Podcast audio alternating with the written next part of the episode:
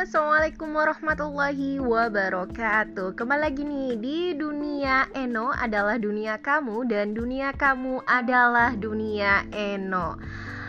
Lama banget nih Eno gak jumpa Dan Eno juga rindu banget nih sama pendengar Eno di mana pun berada tentunya. Hari ini semoga sobat cerdas semua pada sehat amin, pada bahagia dan jangan lupa bersyukur ya. Uh, Eno juga mau um, bilang kalau akhir-akhir ini memang sih banyak kasus atau kejadian yang tak disangka-sangka terjadi. Ini mungkin bisa menjadi pengingat kita ketika kita nanti insya Allah bertemu di tahun 2022 dengan revolusi baru, dengan revolusi lagi. Dengan uh, dengan uh, resolusi ya resolusi tahun 2022 dengan menjadi lebih baik dan mengarahkan orang pun juga menjadi lebih baik. Jadi sama-sama bermanfaat. Bagaimana sih caranya kita ini menjadi seseorang yang bisa uh, bermanfaat ataupun berkualitas? Bukan hanya untuk diri kita sendiri tapi juga banyak orang.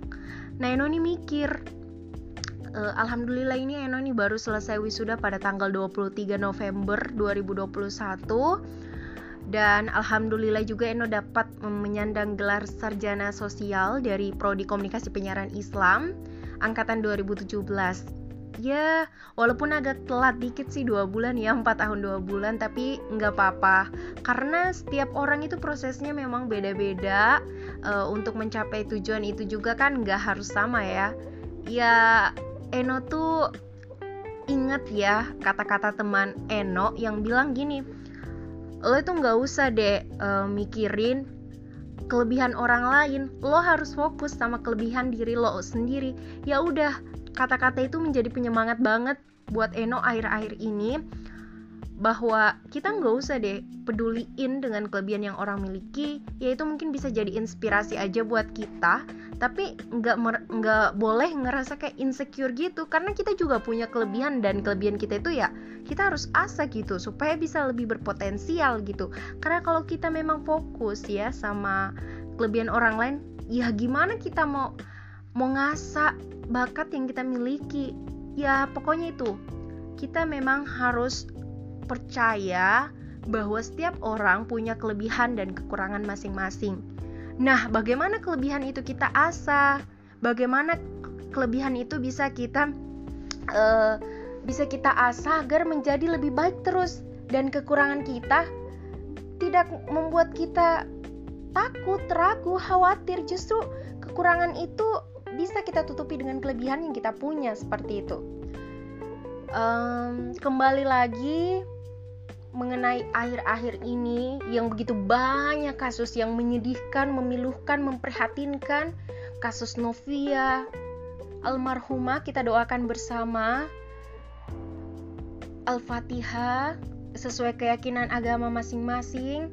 Semoga saudari Alfa, saudari Novia ini ditempatkan di tempat yang paling terbaik di sisi Allah Subhanahu wa taala dan pasangan yang telah melakukan melakukan hal yang tidak bermoral itu mendapatkan ganjarannya di dunia maupun di akhirat. Dan ini juga bisa menjadi pelajaran berharga bagi kita semua, apalagi seorang wanita untuk menjaga yang menjaga marwah kita selaku wanita sebelum halal, sebelum kita nikah. Kenapa? Yang pertama kita tidak boleh pacaran seperti yang dikatakan oleh Allah ya kan? Quran surah Isra ayat 27 eh 32 kalau nggak salah. A'udzubillahi minasyaitonir rajim Bismillahirrahmanirrahim. La taqrabuz zina innahu kana fahisyatan dan janganlah engkau mendekati zina. Sesungguhnya zina itu adalah perbuatan keji. Lagi mungkar yang tidak baik. Ya memang pacaran itu uh, pacaran itu memang sudah tidak dibenarkan ya karena ketika kita berpacaran kan itu kita akan memikirkan si doi dia orang yang spesial begitu. Awalnya mungkin berpegangan lama-lama berpelukan dan kita nggak pernah tahu gitu yang pada akhirnya menjerumuskan kita kepada zina seperti itu. Jadi ya kalau bisa mungkin kita kita sebaiknya menghindari uh, zina dengan cara jangan dulu berpacaran. Mungkin kalau sudah siap yang namanya menikah kita mungkin bisa ta'aruf dan uh, serius ke jenjang itu dengan berikhtiar dan berusaha berikhtiar dan berdoa tentunya. Kemudian yang kedua juga pelajaran yang dapat kita ambil adalah jangan terlalu mempercayai 100% lelaki begitu karena karena sebaik apa pun lelaki itu ya namanya manusia ya kan um, hal ini juga berkaitan dengan kasus yang uh, barusan ini terjadi di mana seorang ustadz mencabuli santrinya sendiri. Itu miris sekali itu miris sekali. Sampai hamil. Bagaimana mungkin begitu? Tapi tidak ada yang tidak mungkin di dunia ini karena kalau sudah hilaf ya sudah terjadi. Ju jujur saja bagi Eno ini sangat memilukan sangat menyedihkan dan dan sedikit khawatir begitu karena Eno juga punya keinginan untuk menyekolahkan mungkin uh, adiknya Eno ya kan atau anaknya nanti Eno di pondok pesantren. Nah namun kejadian-kejadian seperti ini kan bisa menjadi sebuah exercise begitu, sebuah pengalaman uh, kita nantinya sebagai orang tua untuk mengasuh anak tak mengasuh anak kita, adik kita bahwa sebuah tempat di mana kita berada nantinya orang-orangnya kita tidak boleh begitu percaya kita harus selalu waspada. Nggak boleh lepas tangan gitu. Kenapa?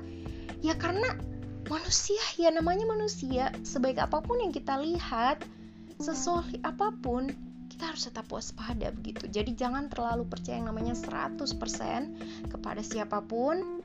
Dan kita nantinya sebagai orang tua jangan lepas tangan terhadap anak-anak kita dan memberitahu mereka bahwa walaupun dia ustadz kamu dijanjikan apa pun jangan percaya dan eh, hal-hal lainnya yang harus diberitahukan kepada anak diri kita yang insya Allah mungkin kita akan antarkan mereka ke pesantren atau di tempat lain gitu camping. Kita kan nggak pernah tahu ya pergaulan sekarang er, dengan era globalisasi yang semakin ini tergerus ya. Jadi kita harus memang yang namanya ada ada uh, nasihat-nasihat terlebih dahulu gitu dan kembali lagi uh, menjadi seorang manusia yang bermanfaat itu seperti apa sebenarnya?